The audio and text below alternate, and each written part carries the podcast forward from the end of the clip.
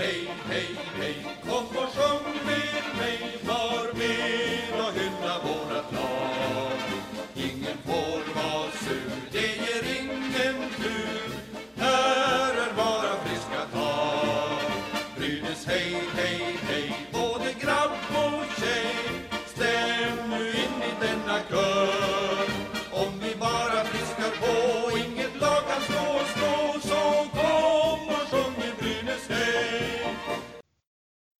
Varmt välkomna ska ni vara till veckans avsnitt av Brynäspodden.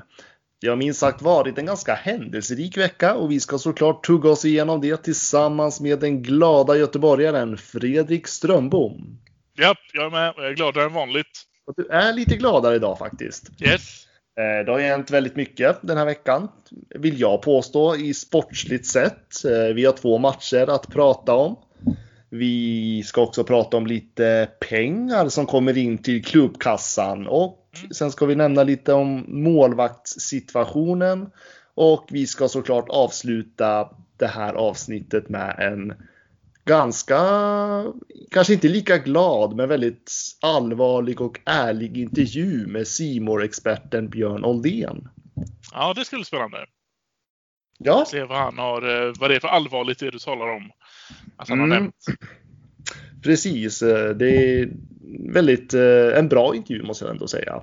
Mm. Eh, Men som sagt väldigt allvarlig och man får påminna sig själv om att den här intervjun också spelades in innan matchen mot Frölunda. Men vi börjar, vi går hoppar direkt in på matcherna och där har vi en Växjö till att börja med i torsdags. Ja, precis. Här har vi ju då en match där vi, eh, där vi faktiskt vinner skotten. Det har vi börjat göra lite nu på senaste. Ja, och eh, kanske är det lite av den där processen, det där farliga Mm. ordet, som Peter Andersson är lite inne på ändå. De senaste Precis. omgångarna. Ja, precis. Jag tänker också det. Och även någonting som väl börjar långsamt fasas ut nu också är ju de här konstiga, dåliga utvisningarna vi har tagit. Både mot Växjö och senast här mot Frölunda så satt vi inte i båset lika mycket. Och då är det också två bättre matcher vi gör. För första perioden mot, eh, mot Växjö var väl det var väl vad den var, men eh, vi släppte in två mål direkt där, men de två sista perioderna var det ju bra Brynäs-spel. Både andra perioden tycker jag att man kunde tydligt se att man, man har hittat vissa lösningar på hur man kommer igenom mittzon. Tredje perioden efter att Molin får göra sitt mål och vi faktiskt får vittring på att nu står det bara 2-1 och nu har vi en chans här. Då är det en jäkla forcering Brynäs gör och det är, man tycker bara synd om dem att de inte får kvittera. Det hade man nästan förtjänat utifrån spelet i tredje perioden.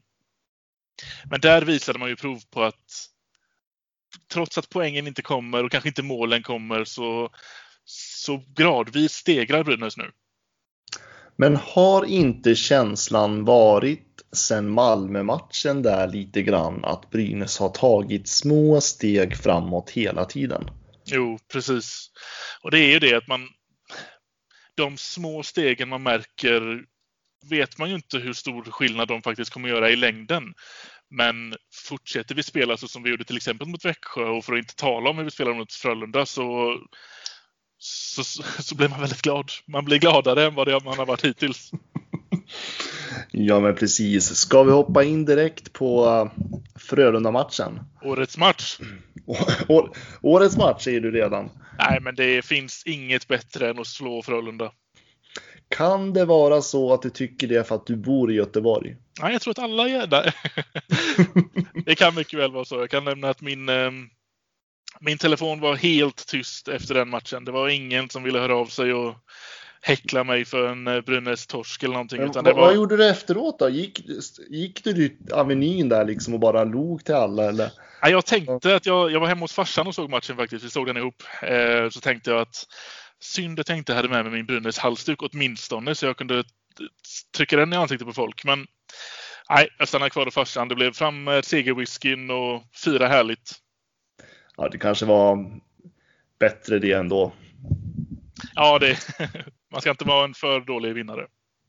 väldigt intressant match. Eh, jag satt ju i min lilla soffa här i Stockholm och jublade och tjoade och var så nöjd att när de sista målen kom så var man liksom den kaxigaste personen i världen och bara ja, självklart. Ja, det var väl inga problem. Ja, det är klart Andersén gör mål där. Ja, ja, ja. Liksom, man, jag vet inte, man var i någon sinnesstämning som man knappt, minns knappt när man senast var. Ja. Eh, men om vi ska analysera matchen då.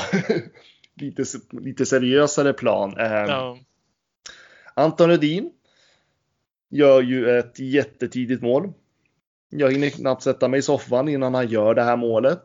Nej. Eh, det har inte blivit korrigerat ser jag nu. Det står fortfarande både på Swestats och eh, på eh, SHL.se att, att han gör mål inom 6 sekunder. Jag fick ju uppgifter ganska snabbt från lite kontakter i media, bland annat från SVT, där de hade fått bekräftat till och med av SHL att det här målet kom tidigare än så. Och det skulle i så fall inneburit att Anton Redin gör det snabbaste målet i SHLs historia. Ja, det får de ju ta sig samman och fixa faktiskt. Om ja, alltså om det är så. För att det har inte blivit korrigerat än. Så då vet jag inte om man har backat i det där eller om det är så att man helt enkelt bara för det känns ju ändå som en ganska viktig grej om det nu är så. Stämmer den, de uppgifterna, då vill man ju ha de uppgifterna på svart på vitt också. Ja, absolut. Ett sånt rekord är ju kul för alla lagen att ta del av. Då, ska ju Anton Rudin ha den, det, det rekordet, mm. helt enkelt. Ehm, men ja, ja, jag vet inte hur mycket man ska tjafsa om det där. det känns någonstans att, eh, jag menar Frölunda kommer från en ganska dålig eh, vecka. Jag vet inte om de hade, de hade ju några matcher, raka förluster där. Mm. I, på bortaplan ska jag väl säga. Eh, och har haft lite problem på bortaplan. Eh, jag tror att just det där tidiga målet sätter någonstans prägel på matchen och gör att Brynäs får lite luft under vingarna. För Frölunda håller ju ändå på att ta ikapp där eh, när de kvitterar. Men eh, det kändes ganska tidigt som att det här är en match Brynäs har. Ja, spelmässigt definitivt tycker jag också det. För, och det är mycket det är som du säger där, att det första målet, det var väl inte helt nödvändigt, men jag tror att det satte, det satte extra sporre i hela laget att nu får vi äntligen spela en liten stund i alla fall med ett överläge, vilket vi väl inte har gjort på hur länge som helst. Och det måste ju ge typ av lugn till spelarna att kunna spela på, inte spela på ledning, men att inte hela tiden behöver jaga. Och när de då får sitt första mål, då är det inte som att ja, nu är vi där igen, nu måste vi börja jaga, utan nu är vi på samma. Mm. Och kan börja fortsätta mata på och då, ja, resten är historia. Mm. Men du, nu ska jag ställa dig mot väggen här. Okej. Okay. Mm. Anton Rudin gör första målet. Mm. Efter på pappret 6 sekunder.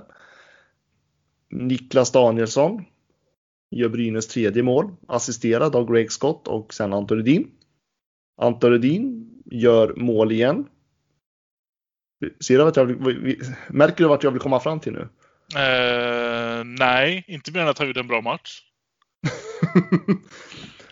Niklas Danielsson ska spela med Anton Rudin och Greg Scott. Mm, jag vet att du tycker det. Mm. Jag vet inte om jag är helt med på det fortfarande. Vad ska Danielsson behöva göra för att du ska bli nöjd med honom? Ja, men där, det är faktiskt en bra fråga. Um, fortsätta som han har gjort hittills. För så som det ser ut nu så absolut, då ska han ju fortsätta spela med de bästa. För då är han en av de bästa. Men jag tycker inte att jag har sett det, liksom även, inte tendenserna till det hittills, även om det kanske har gått knackigt för hela laget, så, så tycker jag han har varit väldigt osynlig.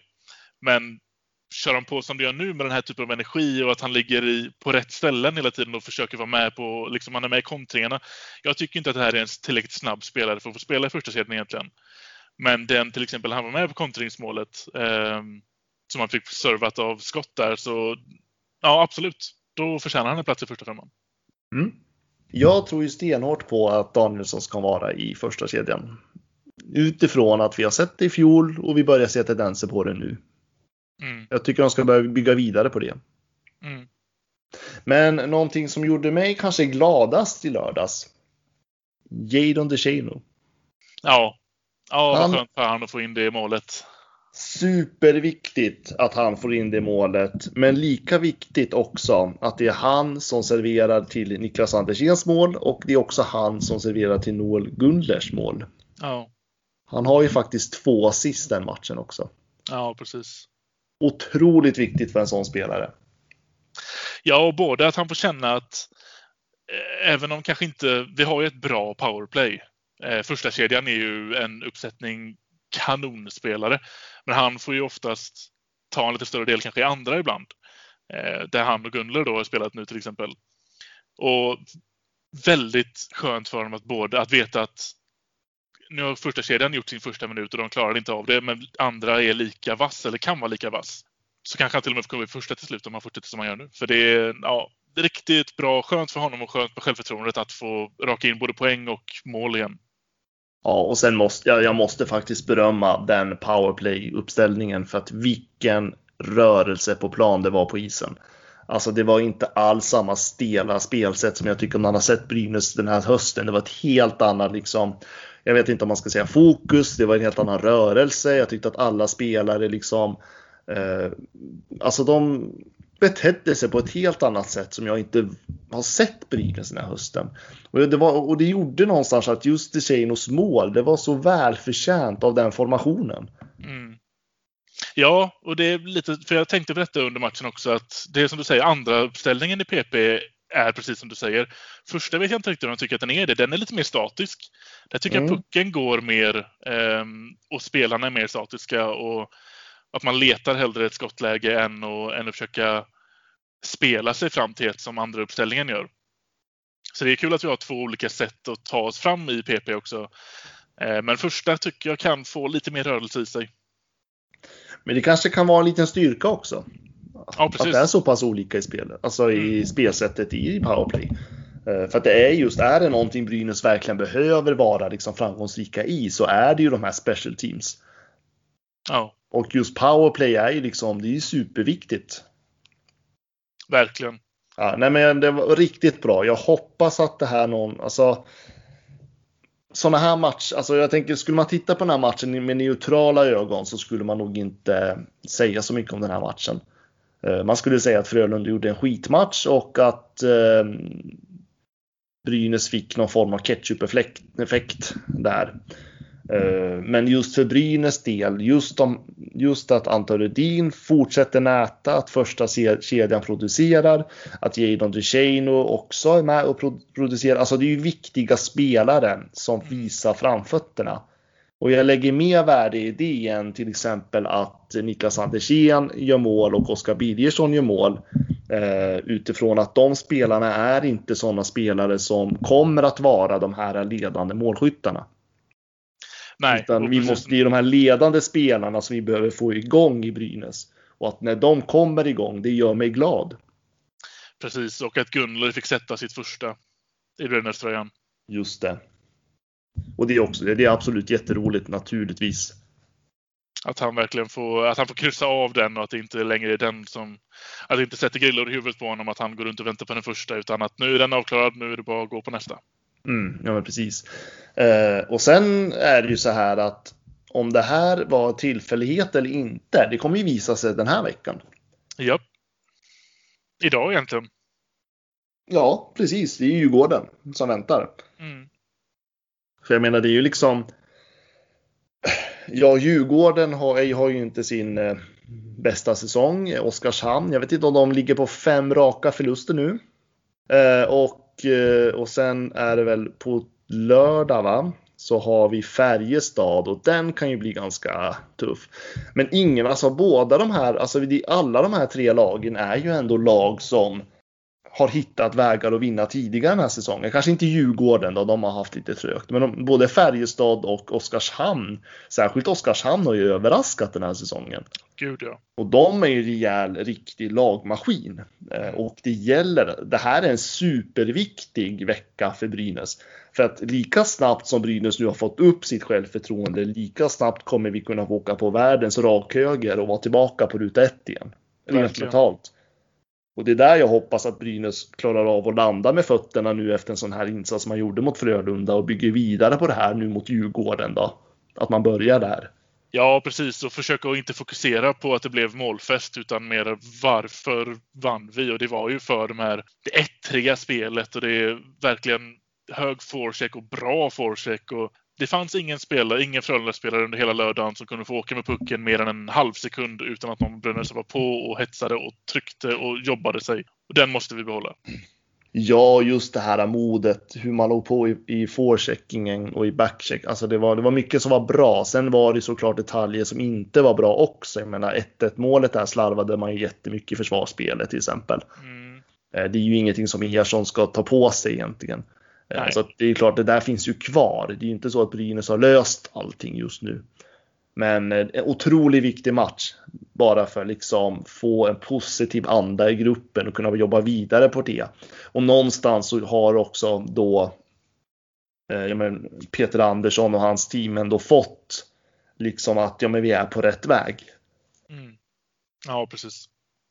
Men nu vet man att nu har man fått svart på vitt att man kan mot serieledaren kan man mot serieledaren så kan man mot Djurgården, då kan man mot Oskarshamn. ja, och just att ledande spelare har fått nu tillbaka känslan att man kan producera och liksom att man kan leda det här laget på ett vis.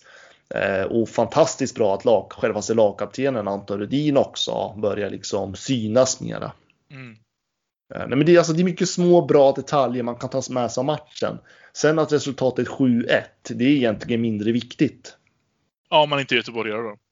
Om man inte är göteborgare såklart försvar, Jakob Silfverberg. Men, men vilket mål han gör! Vilket mål han gör, Jakob Silfverberg!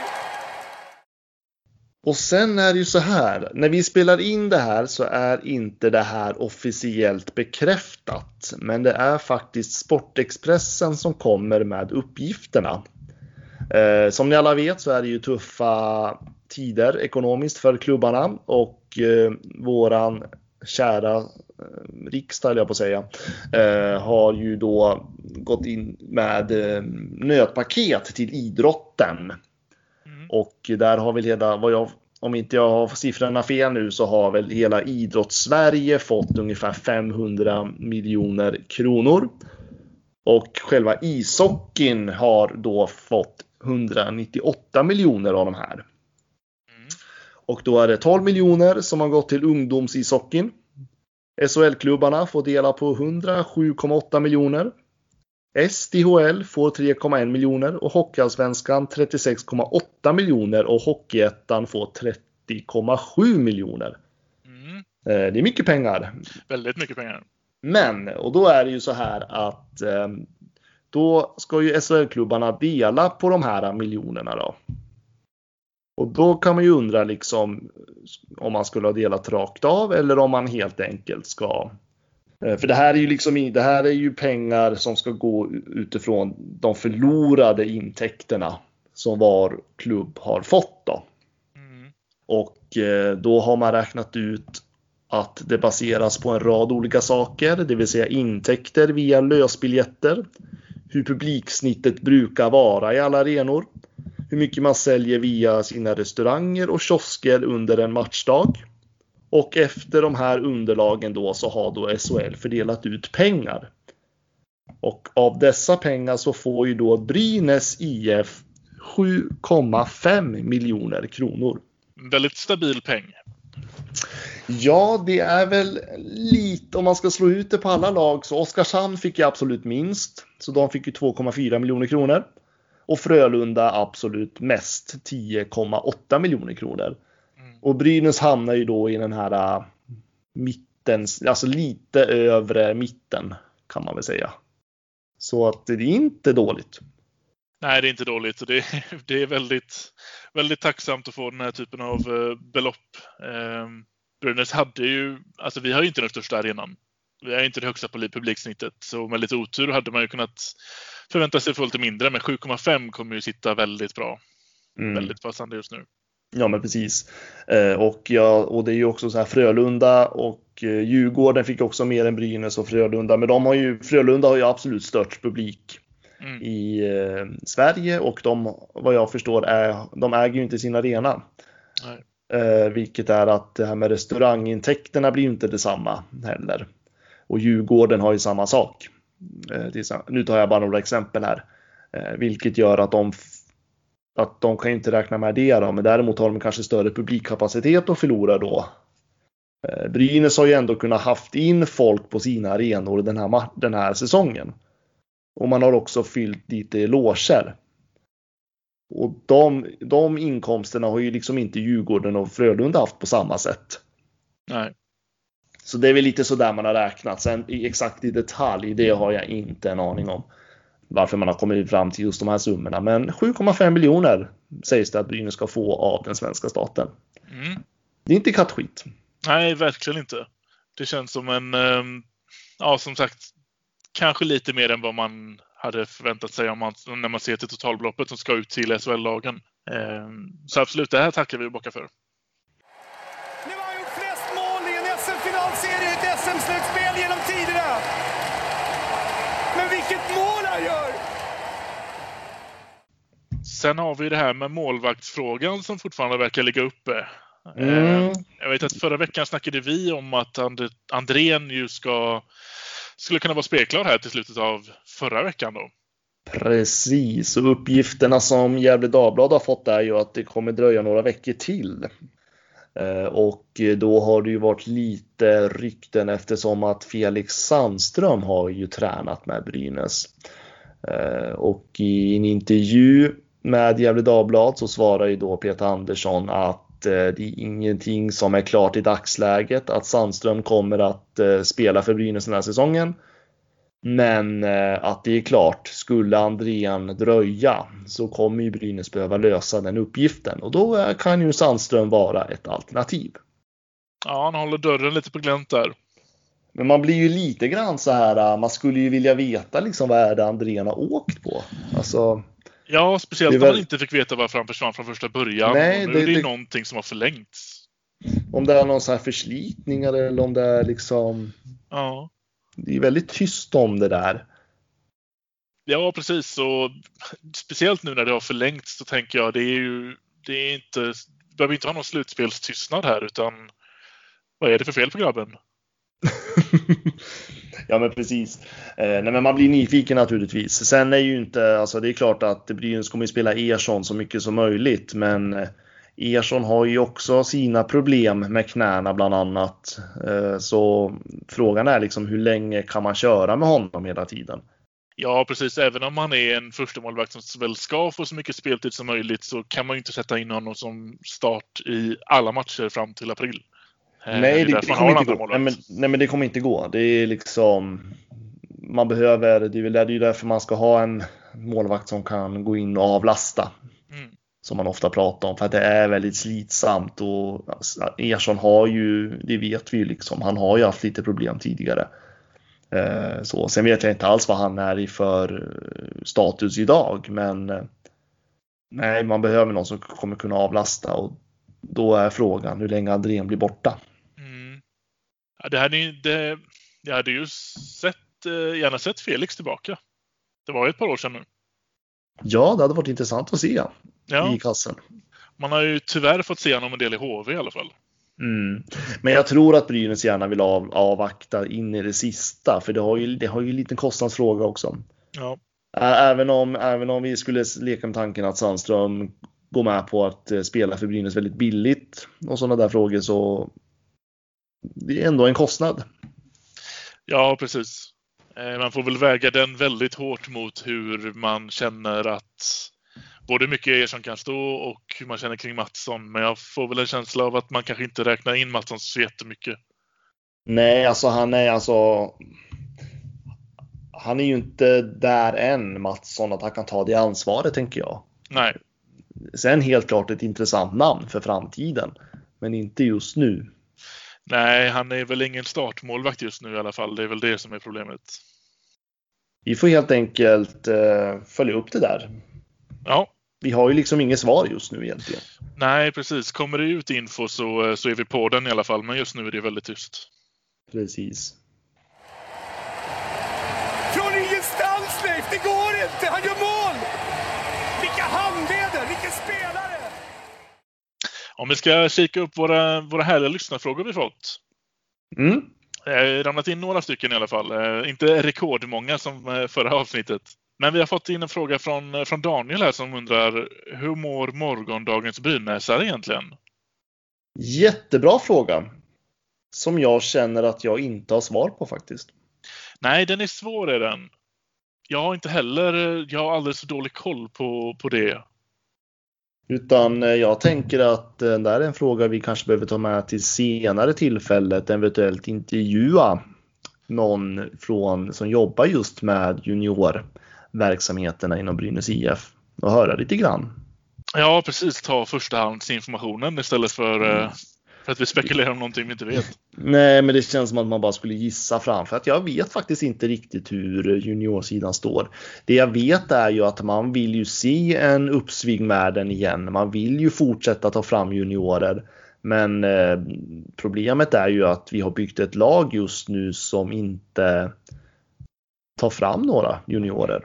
Och eh, det där kommer bland annat eh, i intervjun vi har idag eh, Oldén faktiskt att gå in på utifrån att eh, har man utrymme att utvecklas i Brynäs idag? Och det, och det är en väldigt intressant fråga. Eh, men det är inte den frågan han ställer såklart. Men det är ändå liksom det här att det finns ju inget utrymme i, ja, alltså i herrlaget. Att komma in som en ung spelare och utvecklas. Nej, inga permanenta platser som, eller luckor som ska fyllas igen med juniorer i alla fall. Vi har ju haft Kvist nu ett tag. Han lirar ju andra femman till och med mot Frölunda. Eller det kanske var tredje, men jag vill minnas att det var andra. Men utöver det så är det ju en, en extra forward kanske om alla är på plats.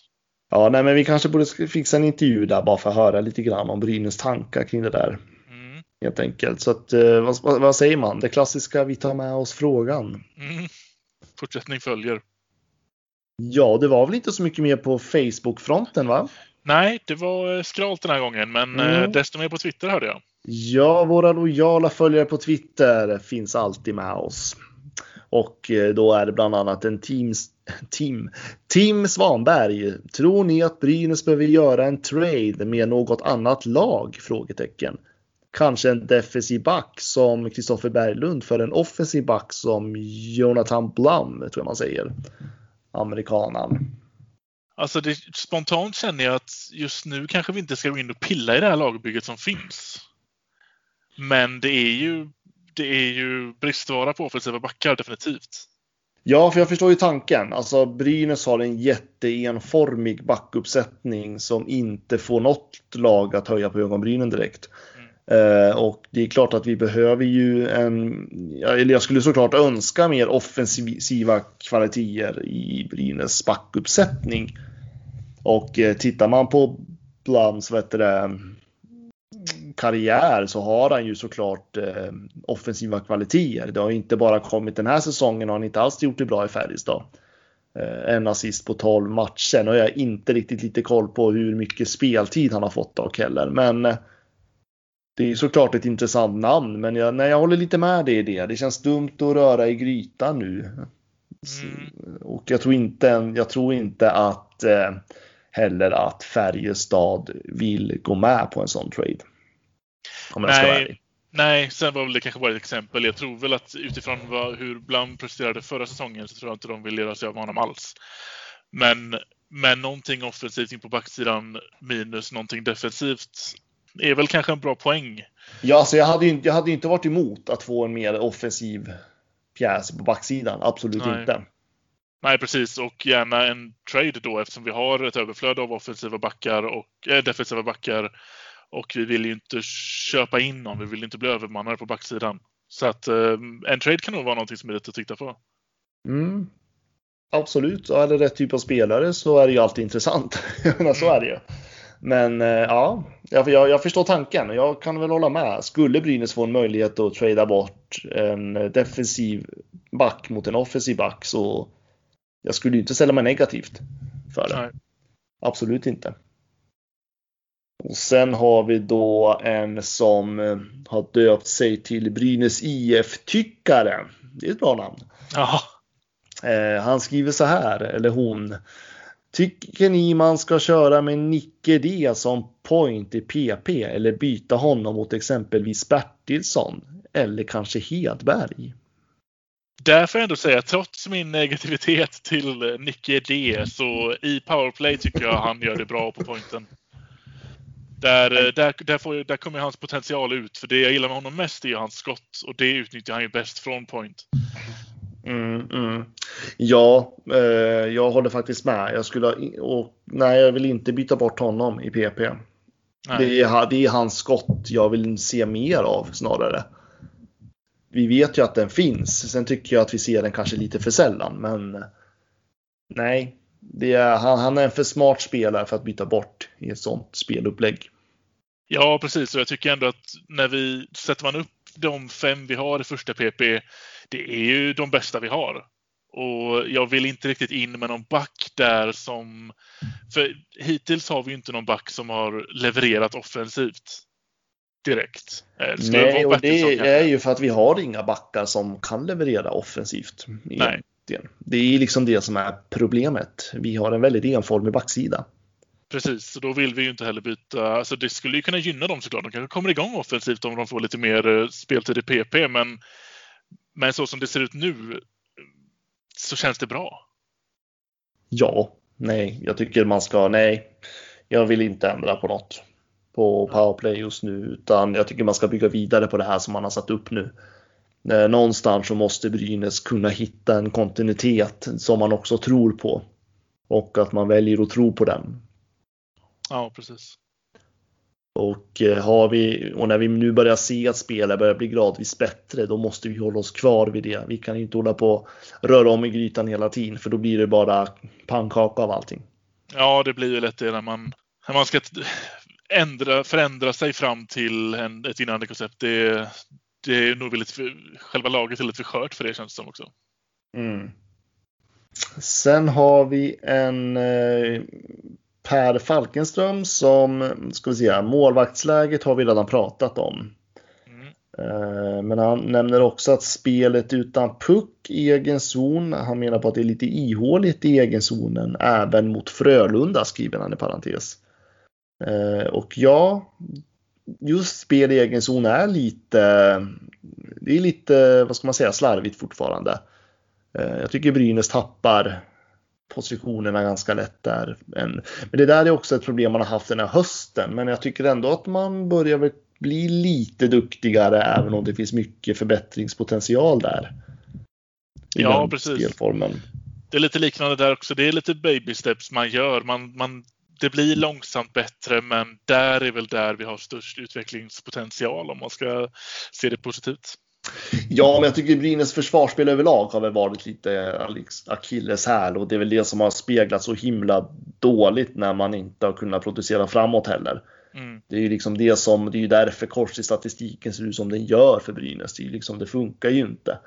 Ehm, men det där börjar nu i takt med att spelet överlag blir bättre så har väl det också blivit bättre. Men sen är det ju, ja jag håller med, det är väldigt ihåligt i egen zon mm. fortfarande och vi såg tendenser av det i Frölunda. Inte minst med deras kvittering där, 1-1 målet. Nej, precis. Så att eh, jag håller med i det. Och eh, Per Falkensson fortsätter skriver och då vill han då skriver han om kampspelet runt sargerna. Viktigt i dagens hockey, i parentes skriver han. Och undrar om det finns statistik på vunna slash förlorade kamper i sargerna. Mm. Och det där är väl i så fall sån statistik som riktiga, typ sån där statistik som typ bara SHL-lagen kommer åt. Ja, precis. Det är ingenting som vi har om det är vem som har vunnit flest kamper i, i sargerna. Nej, men det hade varit väldigt spännande att ta del av. För mm. den, den kampen, som man säger, är ju otroligt viktigt. Och den måste man ju nästan vinna för att kunna vinna matcher. Så den behöver ju vara på plussidan i alla fall. Ja, och så och just kampspelet i sargerna, alltså nu bara går jag vilt in på den här frågan. Eh, är ju väldigt, alltså det är mycket mentalt i det spelet också. Eh, känner man att man har övertag i de där kamperna så får man ju liksom, då kontrollerar man ju matchen på ett helt annat sätt. Mm. Eh, och det är väl det Brynäs inte riktigt har lyckats med heller. Alltså det är väl det är därför man har varit de här som har jagat hela tiden. Man har liksom inte ägt pucken som jag sa förra veckan utan man har jagat i pucken. Eh, men det är ju liksom återigen nu det är många som inte vill nämna process, men det blir ju någonstans det ordet man tar sig fram, liksom, att det blir stegvis lite bättre. Eh, så. Sen kanske inte går i den tempot man vill att det ska bli bättre, men stegvis ändå. Mm. Eh, och jag vet inte om det har att göra med att Brynäs, alltså det här spelsättet som Andersson vill bygga det här spelet på, börja liksom sätta sig hos spelarna eller om man helt enkelt har liksom gjort lite korrigeringar. Nej, I sättet hur man ska agera på isen. Jag vet inte om det var något svar alls på frågan, men det var bara en lös tanke. Ja, men precis. Svaret på frågan egentligen är väl att det finns säkert statistik om det, men vi har inte del av den, eh, vilket vi gärna vill dock. Men, men på den nivån, eh, som sagt, det är bara SHL-lagen som kommer åt dem. Ja, men precis. Ja, sen har vi också Urban Fransson skriver. Vad anser ni om de avstängningar som varit? Blir ju lite konstigt att det går på datum och inte antal matcher de kan spela. Lägen för en regeländring. Den här har vi faktiskt svarat på tidigare avsnitt när Anton Rudin vart eh, avstängd och han fick bara stå över i princip en match för att Brynäs matcher vart ju uppskjutna. Mm. I det fallet så var det väl jätteskönt att, att den här regeln är som den är. Men det är, känns ju som att det behövs till en regeländring där. Mm. Nu kommer jag köra en sån här liten eh, grej som bara kom från en skänk från ovan. För ja. samtidigt som vi spelar in den här podden nu så går Hockeypuls ut med nyheten. Efter tuffa säsongstarten. Nu uppges det att Brynäs sparkar målvaktstränaren. Oj, va? Mm. Det är alltså Robin Danielsson Okay. Som anslöt till klubben inför förra säsongen. Det här känns väl eh, mm. lite obefogat? Och nu, ser, nu ser jag här också att det inte Hockeypuls som var först utan det var Sportbladet som var först med den nyheten. Mm. Och eh, tidningen skriver då att Danielsson själv inte vill bekräfta eller dementera utan hänvisar direkt till sportchefen Micke Sundlöv. Men han kommer inte följa med till Hovet ikväll i match mot Djurgården. Eh, och enligt honom själv så är det för att han är lite krasslig. Men ja. Ja, den, eh, den läste jag om hur Hammarby gjorde med sin tränare också. Mm. Då var det någon som var krasslig innan man ville gå ut med det officiella. Ja, men precis. Eh, det var en liten nyhet som bara kom från en smäll under inspelningen så här. Men eh, ja. Det var intressant. Det där kanske vi borde följa upp till nästa vecka egentligen. Ja, när vi har precis. lite mer kött på de benen och eventuellt om Brynäs har bekräftat eller dementerat uppgifterna. Ja, för ja, okej. Okay. Det här var väldigt spännande. Ja. Det här får vi verkligen eh, kolla vidare på för målvaktsspelet. Du, du, du låter väl... liksom lite chockad nu. Ja, för jag tycker målvaktsspelet är väl en av de grejerna som vi har kunnat luta oss tillbaka. Det är ju det, det, är det som har fått oss att vinna matcher ibland. Ja, Ersson har ju ändå liksom utvecklats ganska bra de här, både förra säsongen och den här säsongen under Danielssons ledning. Ja. Säga. Så att jag är också lite fundersam på vad det här har att göra med egentligen. Om det nu stämmer. Vi vet ju faktiskt ingenting.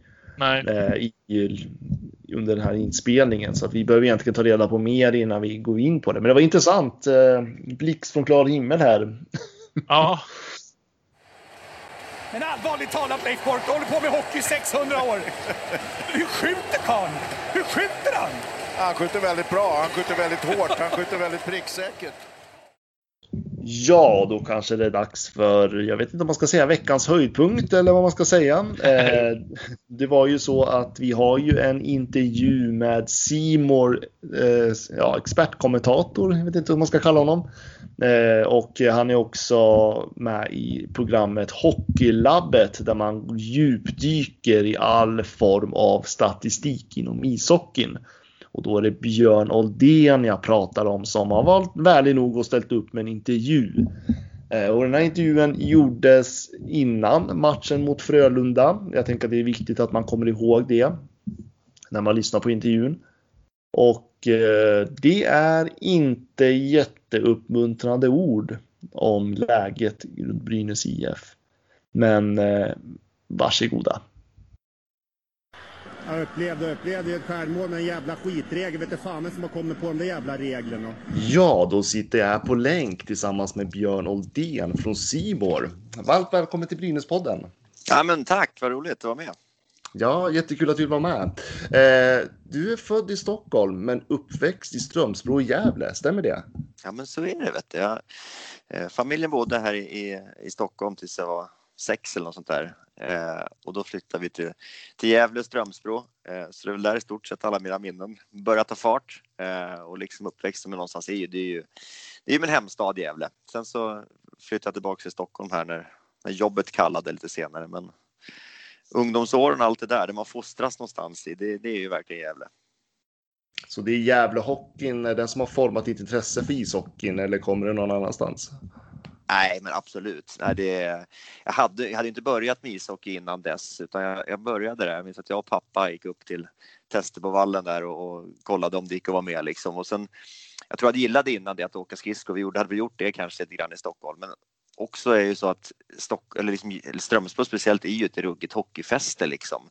Eh, visst, vi spelade fotboll på somrarna och så här också, men det var ju mest för att hålla igång tills det var hockeysäsong igen. Liksom. Det, det är ju någonstans nedvävt i, i, i, kulturen där och det passade mig väldigt bra. Eh, jag har verkligen fastnat direkt för hockeyn.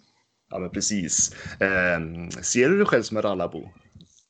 Ja, men absolut. Jo, men jag identifierar mig mycket med det, apropå liksom att nu bor jag här och ungarna spelar hockey i andra lag, men i, liksom i mitt hjärta så är det någonstans ja, men Gävlehockeyn och Strömsbro. Det är klart att det liksom, det bär så mycket av mig med sig liksom och har format mig och, och eh, på det viset. Så att jag ser mig absolut som en, en eller att Strömsbro finns med mig. Men som sagt, jag var i Brynäs också. Det är klart att, att, att Brynäs är en del av mig någonstans också, även om det liksom poleras bort när man har det jobb man har. Ja, men precis. Eh, jag tänker för de som inte vet, Strömsbro är ju en av de klubbarna i Gävle som spelade i högsta serien för väldigt, väldigt länge sedan. På 60-talet tror jag det var. Eh, han mötte Brynäs i några slutspelserier faktiskt. Ja, du ser. Vet du. Så att, eh, det är lite, det är klassisk rivalitet där, men det var länge sedan nu. Ja, men det är verkligen så. Det, jag tror jag minns jag gjorde något skolarbete någonstans. Jag kommer inte ihåg vilken, om det var gymnasiet eller högstadiet. Liksom att, okay, Strömsbro eller Brynäs. Varför var det liksom att ja, men Strömsbro då speciellt hade väl knappt ett A-lag. Det var, det var typ lägsta serien. Medan Brynäs liksom var en, en, en, stor klubb i svensk hockey, en av de mest anrika. Liksom, från att ha varit ungefär på, på samma läge, vad, vad gjorde att vägarna tog så olika riktning? Ja, men precis. Och idag så spelar ju Strömsbro då i Hockeyettan. Ja, de har gjort en skön resa här de senaste ja. åren. Ja. ja. det är viktigt för stan, det är viktigt för Gävle. Jätteviktigt tror jag med. Jag hoppas att det där kan liksom utvecklas till ett, ett samarbete någonstans också. För som sagt, när det finns en tydlig konkurrenssituation som någonstans finns kvar, liksom, eh, tror jag, mellan klubbar eh, i Gävle. För det man inser när man flyttar från Gävle är att att den stan är lite speciell när det gäller antalet klubbar. Liksom, du har så himla många småklubbar eh, bara inom Gävle. Kan man räkna upp? Ja, men liksom 5, 6, 7, 8, 9 stycken säkert eh, och med omnejd där. Tittar du i andra städer med samma storleksordning så har de kanske en klubb eller två. Linköping, det finns LHC där. Örebro, du har Örebro och sen har du väl ja, möjligtvis någon utbrytare, något lag där. Jönköping, du har HV, så har du Dalen utanför. Att, liksom, att det blir en sån konkurrens mellan de här och lite sådär. Så att, jag hoppas man kan komma förbi det där ibland. Det blir att man liksom slåss lite om samma position i, i hockeyhierarkin. Fan, ska de kunna göra mål när de har avvaktande utvisning eller? Men eh, om vi tar oss till Brynäs IF då. Ja. Eh, när du, jag tänker en ganska öppen fråga inledningsvis. Mm. Eh, när du tänker på Brynäs IF, vad är det första som kommer upp i ditt huvud då? Vad är det som symboliserar den här föreningen för dig? Det, det är ju, och då heter den för mig Gavlerinken. Eh, där den, där den gjorde. Alltså, liksom det innanmätet där, eh, både för den gamla, eller ispisten är ju i stort sett densamma, i alla fall där platsen där den, där den sitter. Sen har det blivit en ny arena runt om den. Men alltså timmarna jag har varit där, från att ha varit tioåring och vi cyklade upp dit från Strömsbro och tiggde klubbor. Liksom. Man spred ut sig längs läktaren där och när, när, spelarna gick av så tiggde man klubbor. Liksom. Det var träklubbor då kunde de ge bort dem på den tiden. eh, och hade hur mycket klubbor som helst. Liksom. Och jakten på det där och cykla upp med klasskompisarna till att, ja men sen så spelade jag i juniorlagen där i Brynäs och varit där mycket och tittat mycket och sen jobbat där och sådär. Så någonstans liksom den platsen eh, och allt det innebär liksom med, såklart många avstickarspår i det. Men den platsen är så Brynäs för mig. Och jag tror många i alla fall i min generation, så vet jag inte hur det är liksom nu, när man var i liksom, Gavlerinken då var ju också nästan som en fritidsgård. Det var ju där man var. Tjejer och killar. Alltså alla kanske inte älskade hockey i sig, men det var där man var och i pauserna så tog man det varvet runt i, liksom, i gångarna där och kollade lite, spanade lite på om det var något snyggt man såg eller om, om det var någon man kände som man behövde snacka med. Så liksom, det har varit så otroligt mycket tid där och så sköna, sköna minnen nu när jag börjar tänka på det. Liksom. Dubbeldipp och allting man har köpt där och grillchipsen i småpåsar. Och sådär. Massa härliga minnen. Bananaskidsen. Ja. Ja, men precis. Eh, härligt. Eh, precis, för du var ju ändå, du spelade ju lite juniortiderna där i Brynäs IF. Eh, ja, men precis. Jag, ja. jag, jag kom till Brynäs J18 där jag tycker din bild av Brynäs IF som förening eh, då jämfört med hur du ser det på idag utifrån din roll som eh, ja, men kommentator. Eh, har den förändrats någonting? Eller? Eh, jo, men den är ju såklart otroligt mycket proffsigare nu. Det är som en annan värld någonstans då. Hela, hela, hela hockeyn har ju tagit jättekliv såklart, liksom med den ekonomiska biten, med dels liksom, ja, men, pengarna som har strömmat in i elithockeyn på ett helt annat sätt. Liksom, så proffsighet är ju en helt annan från att det förr liksom det var ganska, alltså det var inget stort kansli. Det, det, var liksom, ja, kanske inte alltid rätt folk på rätt plats. Jag hoppas att det är det nu i större utsträckning liksom sådär. Men, men det är en mm. helt annan organisation och proffsighet och på den tiden var ju liksom, när jag var där så var liksom juniorsidan var ganska eftersatt. Liksom, det tog ju fart efter det när Tellin kom in egentligen och liksom fick ordning på det och, bör, och Brynäs började producera spelare och började vara en attraktiv plats. Liksom. Så att på det viset har det tagit en helt annan resa. Liksom. Och Alltså, om man tittar på den riktigt stora eran, ja, men det var ju Brynäs liksom, för, för då, då, man var ju den klubb man var i. Det var inte så mycket värvningar inom ligan. Det var inte så många som stack utomlands. Och där många Brynäs liksom guld, grundlag. Så nu är det en annan värld liksom. Mm. Eh, med värvningar och allting som, som ställer helt andra krav på organisationen. Så att, eh, det är klart att det är stor skillnad. Jag tror att det finns en del likheter som ibland kanske är svåra att hantera i Gävle. Eh, jag tror att det är många som vill synas i Brynäs eh, liksom, klubbmärke vill vara med där, mer att man kanske inte alltid är rätt person. Alltså, liksom, jag vet inte exakt hur det är nu, men att, så kunde jag känna förr i alla fall att det var. Liksom, det, var det, det, det sa något om dig om du var med i Brynäs styrelse eller sådär och det liksom mer än att det alltid var, var rätt folk. Eh, jag tror att liksom ibland är ju Brynäs, de lever med, ett, med en tung historik som ibland, som sagt, den är fin att titta på, den bär mycket eh, skicklighet och allting och framgång, men den kan också vara tung tror jag i vissa fall. Liksom. Ja, men precis. Jag tror att eh, Micke Campese pratade om det där när han kom in som ny i föreningen. Just det här liksom hur tungt det är att bära de här oken egentligen. När man ser liksom den här historien som finns och det här kravet som finns på föreningen någonstans och ändå ska liksom du ska leva upp till det där på något vis. Ja men det är ju det och, och samtidigt är det ju, det är ju helt, om man ska titta på liksom, vilken horisont ska man titta på för att säga är Brynäs en framgångsrik klubb? Om du tittar på Brynäs och då tycker man det, för jag menar, liksom, back in the days då var det Brynäs eller Leksand folk höll på. Det är därför de är de stora klubbarna. För att det var, mm. liksom, det var då det liksom någonstans klev fram och folk började gilla det och är hängt kvar i generationer för många. Jag tror inte att Brynäs är en klubb just nu som liksom får massa nya fans i en familj som inte gillar Brynäs eller sådär. Alltså som någon som mm. bor ute i, i, i småländska skogen, de kommer inte gilla Brynäs liksom. För tittar man på, kolla, tittar de 20 senaste åren. Har du koll på hur många gånger Brynäs har gått förbi kvartsfinal då? Två. Ja, 2012 och 2017 då? Ja, så de enda ja. två gångerna du har gått förbi kvartsfinalens. De har alltså torskat i kvartsfinalen. Någon gång tog vann de väl en, en play-in som det hette då. Då var det inte ens åttondelsfinal. Eh, och sen torskade i kvarten om det var mot Djurgården då tror jag det var. Va? Men, men du, ser, liksom, du har två gånger. Om man tittar på rena slutspelserier på de här 20 åren vunnit fem rundor. Du vann mm. tre stycken där när du vann 2012 och du vann två stycken när du tog fram det till mm. eh, finalen. Va? Ja, men precis. 2017 eh. eller om det var en tre, ja, om det var någon då. Men är det liksom, det är så, och titta på det att säga att Brynäs är en framgångsrik förening. Ja, det har man varit. Men om vi tittar 20 år bakåt så är man ju inte det. Alltså Nej. egentligen då. Nej, och det är, där någonstans man, liksom, man bär ett ok som lite grann är lite orättvist nästan då för att jämföra med idag. Brynäs måste börja om på en ny resa, men man någonstans tror folk tror jag, utifrån och, och pressen säger att det här är en anrik förening, men resultaten säger ju inte det. Är det en ny regel eller? Ja, det är någon ny regel per år som några jävla pajasar kommer på. Om vi tittar tillbaka de närmsta åren då. Eh, SM-final 2017. Eh, mm. Men precis som du nämner, bortsett från det så har man ju inte lyckats åren därefter.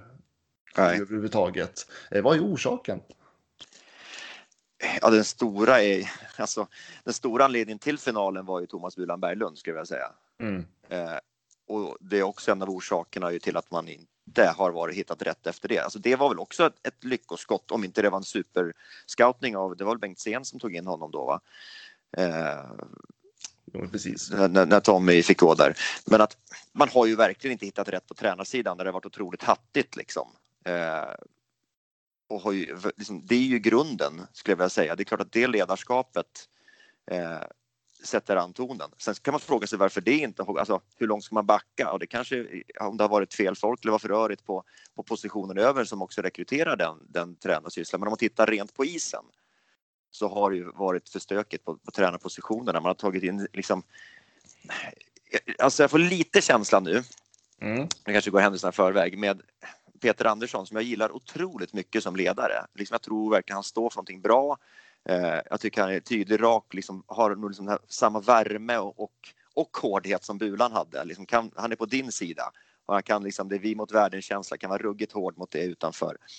Eh, men frågan är om det liksom finns en liten så här Roger Melin-vibb, inte i, i dem som personer utan att Roger Melin skulle plötsligt stå för, när man tog in honom, sa man, att han står för det här spelet. Man bara, eh, va? Står han för Bulan-spel? Är det, vänta, liksom bara för att det är en skicklig tränare, Roger var en helt annan, annan liksom kostym, eller alltså Mm. snittet på honom som tränare än vad, vad, vad Peter är, så där är ju jämförelsen liksom skillnad. Men då skulle han börja spela ett spel, liksom, ska drivande offensivt spel. Liksom, är det riktigt det vi känner igen från Melin, alltså jämföra med Bulan? Det var det ju inte. Det är ju inte det vi heller har sett hos Peter. Peter har varit jätteframgångsrik med Malmö. Eh, Men det är ju inte för att de har spelat ett superfrejdigt spel. Och då är frågan, okej nu på det här spåret nu och vi kommer in på det mer om varför det går som det går just nu. Ja, det kanske är ett frågetecken också till att liksom olika tränare är bra på olika saker i spelet, liksom, eller olika karaktärer eller olika för ett, för ett lag. Jag tror att Peter är jätteviktig för Brynäs organisation och rätt för att han på många sätt, apropå det här tu- tunga oket, han skiter i det. Han är Mm. kraftfull nog att, och en av få som kan göra det där. I, alltså, det hade varit lättare i en annan organisation ibland tror jag, liksom att, att ta ett nytt. Det är lättare att göra Oskarshamn, för det finns inget ok där. Du kan ta in Martin Förlander, för han Mm. tror att han är bra. Martin Förlander hade varit säkert jättebra i Brynäs med, men kanske inte. Alltså, det kanske inte funkar i en förening som Brynäs. Förstår du vad jag menar? Skillnaden Jag i, förstår. liksom, Jag förstår. i historiken där liksom. Så att det krävs nog sin man för att ta platsen i Brynäs. Jag tror att Peter på sätt och vis är rätt för den. Men är frågan liksom det spelmässiga just nu. Liksom. Ja. Ja, men precis. Eh, för att precis, nu när, när vi gör den här intervjun så har ju Brynäs sex raka förluster eh, Mm. bakom sig. Eh, vad är orsaken till det? Vad beror det på egentligen? Jag tror att det, ja, alltså det går inte de här sex raka, så där, det där kan ju alla lag hamna i. Det är väl liksom svårt att, att exakt bena ner, nu har jag heller sett alla Brynäs matcher på något vis, här ska jag säga. Men, men tittar man på, liksom bara bryter ner och går in på här, statistik och går ner Mm. på saker och ting där, så kan man säga de har gjort minst mål. Mm. De släpper in flest, eller ett av dem som släpper in allra flest. Eh, bara där har ju en tydlighet, men det är ju, liksom, det är ju en effekt av någonting, eller hur? Det är ju, Mm. liksom, det är ju Ja, ja. resultatet av saker och ting. Bryter man ner det vidare, liksom, okej, Brynäs har ett jättebra powerplay, där har ju liksom gjort många av målen och de har varit liksom effektiva där. Tittar man ner på det kan man säga att okej, vi har ju sån statistik där vi som vi eh, Hockeylabbet, för er som har sett det, kan använda liksom där artificiell intelligens, alltså, alltså, som lagen också har, kan mäta liksom, exakta saker som sker där ute. Då kan man säga att Brynäs är ett av de lag som i powerplay skapar minst, men har Mm. överpresterat mest. Det är ju lite farlig indikator på att okej, antingen är de superskickliga och kommer fortsätta göra det, eller så är det indikator på att det här kanske, oh, det här är lite farliga siffror. Det är en Mm, sak, mm. du- alltså förstår du vad jag menar? Att, att behålla den leveransen kan vara farlig. Eller svår. Eh. Mm. Corsi som, som ju liksom är en faktor som, som ändå är intressant. Det kanske inte är lika relevant tycker man längre på vissa vis. Eh, det handlar ju om hur mycket man skjuter kontra många skott man släpper emot, alltså skottförsök. Mm. Eh, där är Brynäs sämst i ligan. Eh, klart. Har alltså, de har 42 procent Corsi. Eh, inget lag. Oskarshamn slutade på 44 i fjol. Timrå som åkte ur året innan hade 44. Eh, senast hade ett lag som hade så här lågt var Karlskrona som hade, då åkte de ur sista året de var med. Så de siffrorna är så oroväckande. Sen är det bara Mm. siffror, absolut. Men du kan bara bryta vidare om du tittar på liksom expected goals som då är en faktor av det här också. Hur, alltså, hur många lägen, farliga lägen skapar du? Så att det är också viktat. Ett, I, I är ett skott utifrån lika mycket värt och räknat som ett skott som är i friläge. Mm. Eh, expected goals handlar också om hur tas det här skottet liksom, och vad föranleder det? Är det ett direktskott? Det är högre procent och så här. Även där är man ju liksom, där är man inte lika dålig, eller på att säga, där är man inte lika långt ner, men du, du är 8, 9, 10 i ligan om du viktar liksom vad du skapar till vad du släpper emot. Och du kan bara fortsätta bryta ner liksom, okay. Eh, de har, de, liksom, vad är farligt? Att skapa tre mot två år, två mot ettor, alltså odd man rushes som det kallas. De har minst antal framåt, de släpper till flest. Eh, det är liksom, du kan titta på punkt efter punkt efter punkt i viktiga detaljer så är Brynäs ganska långt ner. Sen finns det vissa där de står ut i positiv väg, eh, där de kanske är på väg framåt. Liksom de har pratat väldigt mycket om, om eh, liksom att ta, de har något eget sätt att räkna tror jag i det här. De har Brynäs en egen, egen faktor. Eh, liksom. om, man säger, mm. man, om, man, om man blandar ner någonstans, det är ju om man säger så här, våran expert, eller vad experten brukar säga, Hockeylabbet, expected goals, det är ju vad du, hur du värderar saker och ting också. Om du, alltså, hur, hur, hur ser såsen ut? Hur är såsen blandad? Hos dig kanske du tycker att friläge är värt så här mycket, hos mig är det så här. Så det är klart att det här är inte någon absolut sanning, absolut inte.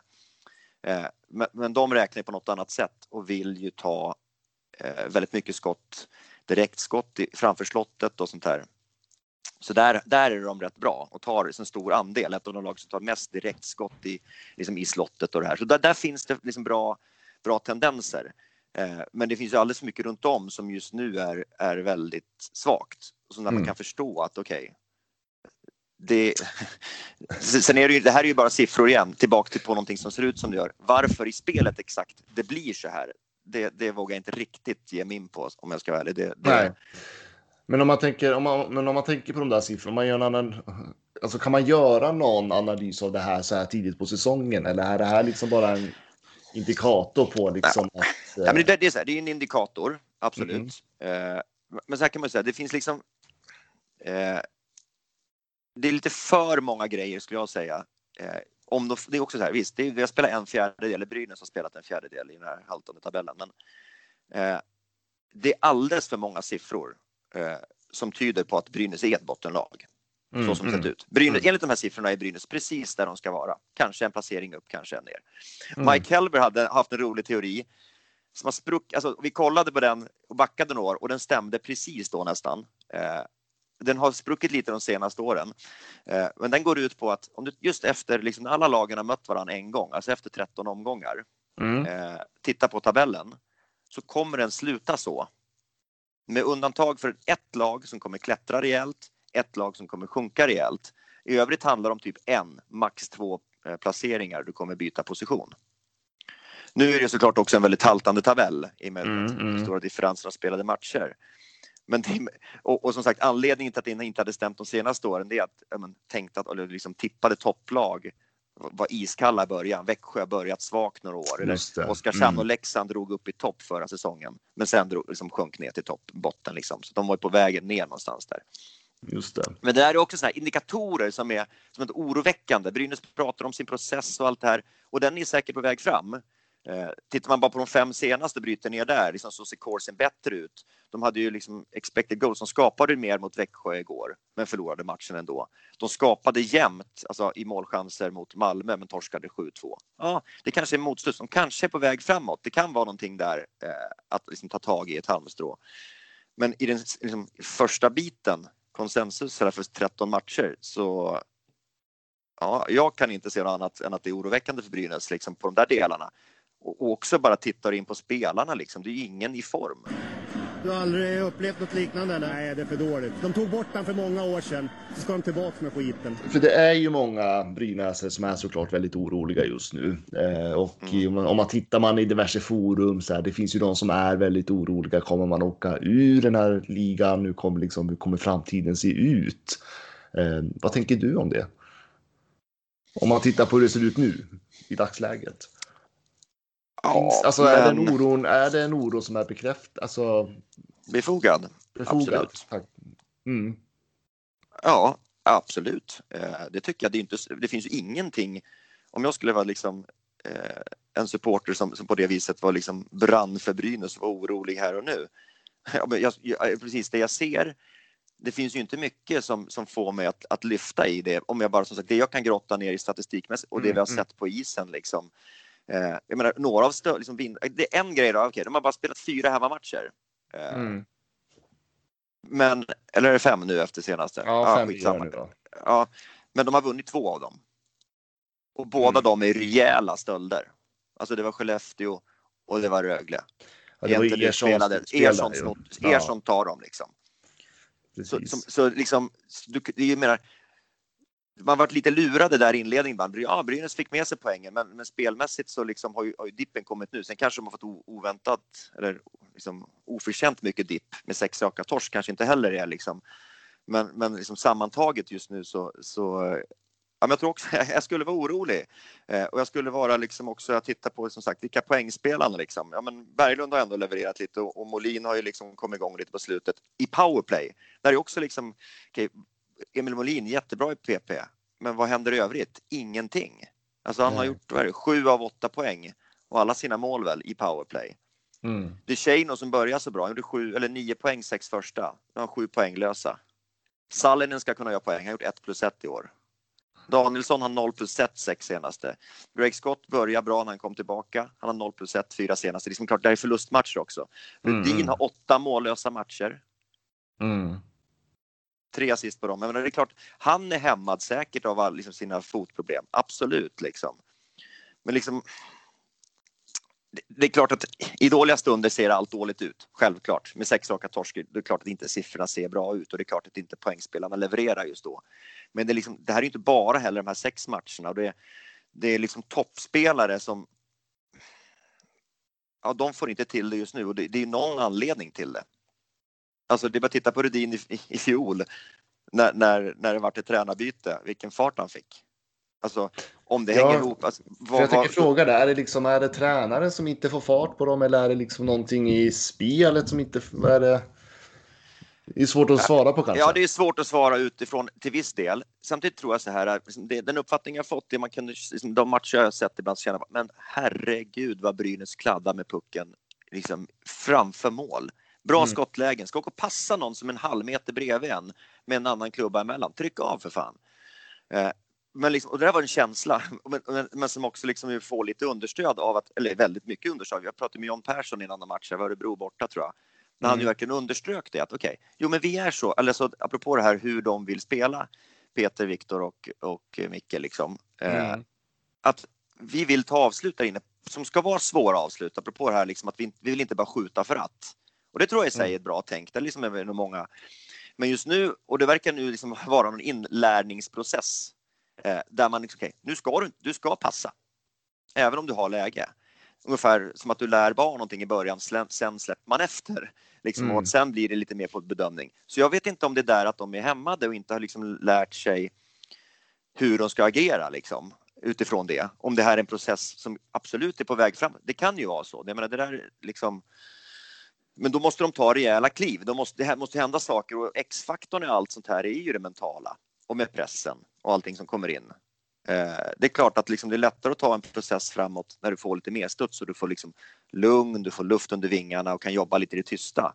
Men där är ju inte Brynäs just nu. Liksom, spelarna känner av det här. Peter sa ju inför säsongen också att han visste när han kom till Brynäs att ja, folk sa det att "Ja, du går inte komma hit och tro att du ska bli 12 igen. Liksom. Och det är Mm. precis, nu, är man, nu är man 13 just nu. Men, Ja. liksom, Ja, men, just nu ser ju det mesta ut att Brynäs är just ett lag för exakt samma region. Mm. Liksom. Eh, jag tror att det är ju såklart pressande även om ingen tror jag trodde på att Brynäs skulle ta SM-guld i år. Eh, Mm. men liksom att, att, man, att man är inne i en process, det är väl förståeligt och den kan nog absolut vara längre. Men jag tror att det är, det är både stressande för dem i det och de utanför som håller på Brynäs som tycker att ja, men ny tränare har andra lag också. Och det, liksom, det ska inte behöva ta så här lång tid. Nej, och Brynäs har ju haft några tränare nu genom åren. eh, Minst sagt. Ja, absolut. att Men, och samtidigt tror jag i den, liksom, jag tror Peter Andersson, och det ska han göra, han ska sitta säkert. Mm. Alltså liksom någonstans. Jag kan inte se att, att Brynäs ska sparka Peter Andersson eller liksom kommer göra det ens, utan de har verkligen, liksom, det är lite som Bert Robertson till Linköping i fjol. Alltså de, man har verkligen gått efter, han är verkligen headhuntad den här gången. Eh, och man ville ha Peter, gick hårt efter honom. Liksom, han, han har ett otroligt eh, stort eh, liksom, förtroendekapital. Eh, Mm. Så att, eh, och det tror jag är viktigt liksom. Men, men eh, ja, det kan nog bli stressat ändå. Skulle man kunna påstå att tajmingen varit lite dålig? Om man tänker att man kanske skulle behöva, behöva haft Peter typ förra säsongen? Ja, alltså jag vet inte om det hade gjort någon, någon stor skillnad så eh, egentligen om, om han hade kommit förra säsongen eller nu. Jag tror att det liksom är jag, jag, vet inte exakt vad det är han vill göra eller vad han, Peter och Viktor Stråle som är liksom är väl arkitekten bakom spelet med puck och ansvarig där, liksom hur, hur de är på att implementera det och få spelarna att förstå hur, ja men, och hur bra de är på det. För ja, men Viktor har ju varit i ett lag i Frölunda då, som, som är ett drivande, drivande lag, alltså mm. spelmässigt. Medan Peter ju inte har varit den typen av tränare, ja men inte i Malmö i alla fall, det har varit en annan i alla fall de senaste åren. Liksom. Det har varit ett lag med väldigt strikta liksom, linjer och liksom, jobbat sig till segrar. De har inte spelat på, på en stor skicklighet, liksom, även om Fredrik Händemark har det. Men han är ju liksom en murbräcka på ett annat sätt.